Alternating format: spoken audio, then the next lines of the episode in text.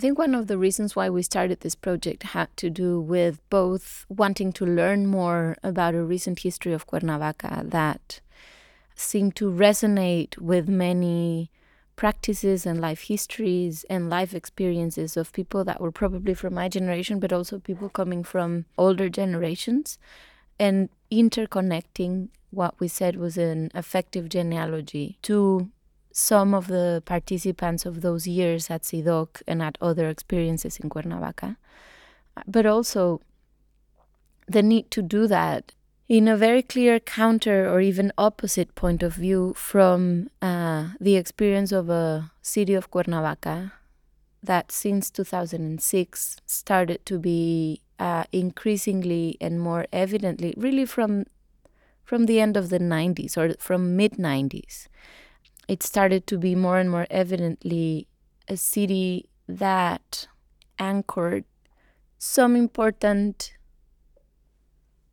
aspects of the criminal organizations related to drug dealing cartels in Mexico. And in 2008 had a very specific um,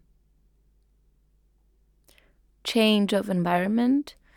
because a head of one of the most important cartels from the center, southern part of Mexico, was shot in a very visible operation in Cuernavaca. And it created a kind of state of madness. Um, it created a state of lack of control and lack of security, basically because the specific, let's say, agreements that were held historically with um, drug dealing cartels were broken by the authorities, and they did that within a discourse morally based that was justifying um, a war against drugs, which meant also not reflecting upon the fact that the criminal organizations that are historically related to drug dealing cartels in Mexico have been part of the country's life for decades, right? So instead of articulating a public policy or a security policy that would, in a way, look at the effects um, and also the origins for these um, structural operation of the drug dealing economy in the country, it created a very moralistic based discourse and a very, very visible campaign, uh, of course, fueled by North American interests, to eradicate evilness, let's say, from the society. And this basically has created a state of no law and no control for over 10 years because it what it did is that it triggered a public confrontation of the power of the drug dealing organizations with um, the state organizations, which in many cases are totally corrupted and linked with each other, right? So it's a kind of like no, it's it's really I don't know, es como sin, es como tierra de nadie, es como que no hay, ni siquiera hay ley, como si hubieran, se dice, este, sacudido el avispero. O sea, hay una cosa que se volvió todos contra todos, ¿no? Um, so it's a kind of no man's land, and and just in very few years, Cuernavaca changed from being these more peaceful, calm, provincial, smaller city with a great weather, close to Mexico City but far enough, to becoming a city in which people don't go out at night, in which streets are empty, in which uh, the amount of violence on a daily basis focused on um, extortions and murders and robberies and all forms of economic extortion actually uh, made visible how these criminal organizations had actually taken over all of the city space. And this is a situation that it's spread across the country uh, over the past 10 years, right? So when we started thinking about this history of Cuernavaca, we were also trying to think about how to understand the moment we were living in Cuernavaca and experiencing it taken over by crime and by fear and by actual death, while thinking about these um, very inspirational and contradictory and paradoxical, but also very inspirational moments coming from only three or four decades ago. So at Entre Utopia y Desencanto, we discussed how could we make a public gesture that would kind of like bring this memory to a public space within the context of Cuernavaca in 2014. And we um, thought about and, and started worshiping. And we organized a mini festival that was a four day program, uh, which we called a public encounter and in which we had both uh, early morning workshops for basket weaving and um, live reading of some of the texts that were part of our archive. This was a project that was called From Tool to Tool, de herramienta a herramienta, from the organization and collective in Puerto Rico called Beta Local, and a group of students that they have every year um, through the program called La Práctica, and they basically propose these as kind of warm up sessions every morning, where instead of yoga or other kind of like physical activity, we would do a kind of warm up of thinking while doing and doing while thinking, which was um, through this weaving basket um, workshop and listening to texts being read out loud. And that was a kind of way of setting a tone or a mode, but also an activity together in the mornings for the for the group of participants, and that was advertised also for um, public participants, whoever wanted to to come. And then we had workshops, we had different discussions, and all of this happened at a place called Jardín Borda, which is an open house that was form formerly the Habsburgs house in Cuernavaca, and it's become over decades, I don't know exactly since when, but for many, many years, it's been a place that families and people in Cuernavaca just visit. It's part of the weekend stroll around the center. Um, it usually has a combination of exhibitions, sometimes it's art, sometimes it's cultural programming, whether it's music and kids and and the space in the gardens are quite beautiful. So it's a it's a space that it's quite live in in its own uh, diversity of publics and visitors and and where this uh, festival took place and so we had these workshops and discussions and during the mornings and then in the afternoons and nights we had different types of programming that came or that ranged from using the space as a kind of theater our performance laboratory which was one of the proposals. Um,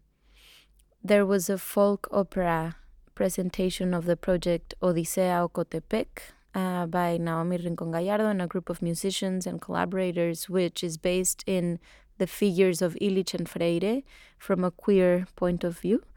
and using folk music from the Latin American protest songs from the time as a reference or an inspiration, along with an imaginary of science fiction movies from Mexican cinema from the 50s and 60s. And it was a live performance, which included a, a, the participation of a school rock band of students. And so there were like this range of um, events. And then the reading room that we set to be a kind of point of encounter was actually a spatialized timeline that contained all the um, the books and the references displayed as work copies, so that people could actually take them and sit on what we organized for the space to be as welcoming and useful and practical as possible for people to use to photocopy to sit and to look at all these materials that we put together. And uh, we had after these four days of public programming and over four months, uh, different kinds of activities um, related to these memories and to local participants from the time. And intertwined in the timeline were some of the interventions by artists and activists and educators that were participating in the original group. So we had, for example,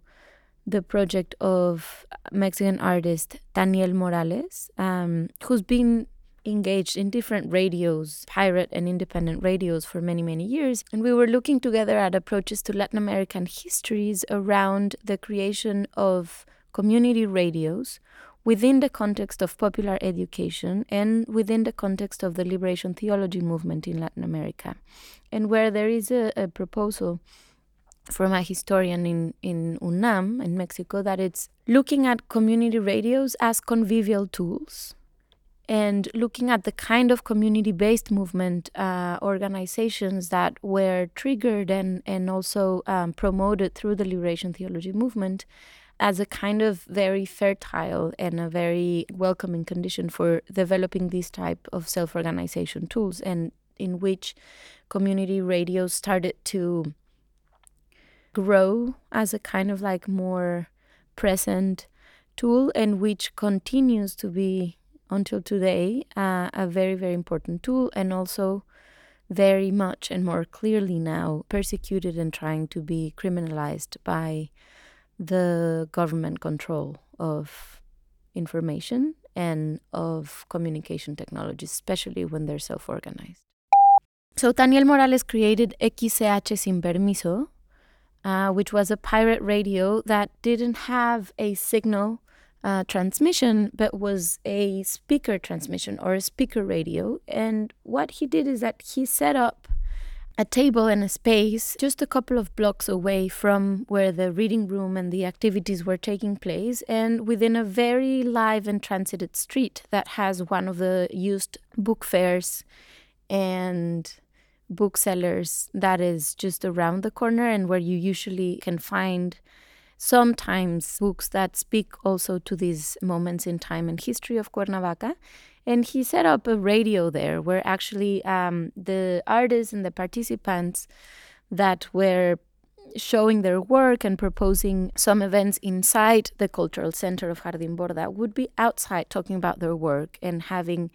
a more colloquial and formal conversation in this place that was actually becoming not an official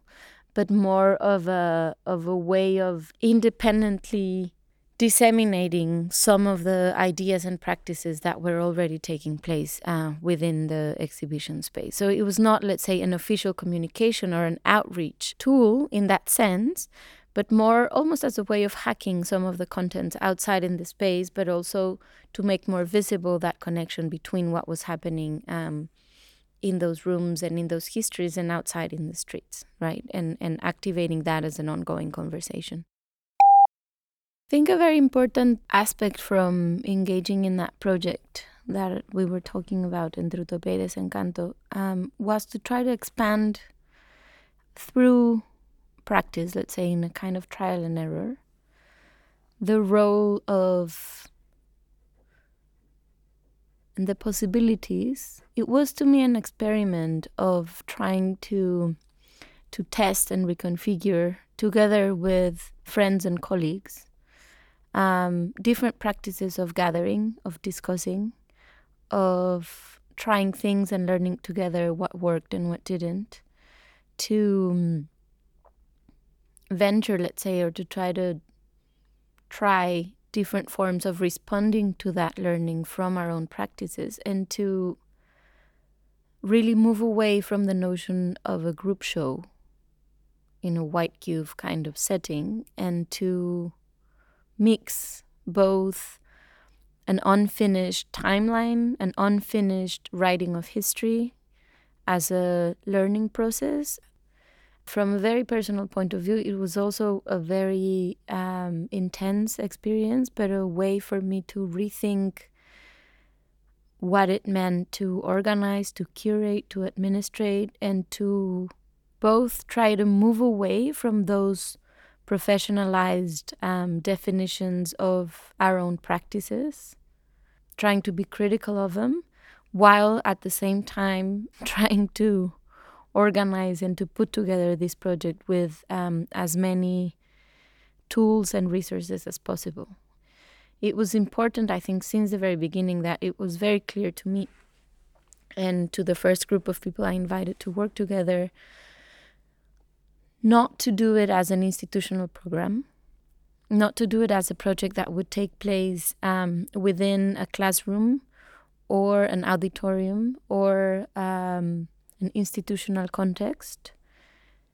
as in a typical or a more conventional, let's say, contemporary art institution, that it had to sort of like move away from that and create a different, welcoming space and environment, both for the learning process as well as in the studying process, as well as the sharing process or the making it public, right? And I think there is still a kind of intersection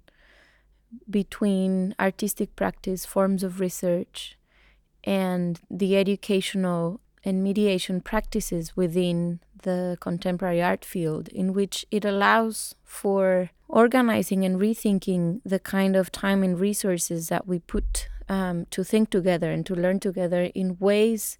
that are still more porous and more flexible or let's say more more fluid than what may happen in some more rigorous and conventional academic contexts even within art history or art practice. However, I also think that there's more and more clearly a discursive field that's been um, more visible and and sounding over the past decade, maybe that's related to education as a curatorial discourse, um, which in many cases relates to explorations that artists are doing in ways that are not solely related to objectual practices or to artistic work that's created within a studio setting. Sometimes it has to do with a curatorial experimentation on platforms and media. But there is a different aspect that has to do with educational and mediation practices and the position that this takes within uh, cultural institutions. And I feel that the curatorial discourse approaching um, educational concerns doesn't always and necessarily go through all these different layers and aspects, right? And there is a kind of separation of visibility of the kind of um, problematics of educators within museum and cultural institutions, the access and the resources that programming within, let's say, the public programs or education has in comparison or in relation to other aspects of programming within the museum, for example, a contemporary art museum, or big art events, there is a kind of separation. Um, and yet, there is more and more of a desire, let's say, to address other forms of learning and, and critical inquiries within the statements of large events or institutions um, specifically addressed from a curatorial point of view. And I think it's important to learn how to differentiate where and how these different practices approach these ideas and what kind of spaces for interaction and dialogue, but also what kind of specific practices and to whom they're addressed and how they're being articulated within both a discursive um, and a pragmatic and a structural economy around these cultural spaces and institutions.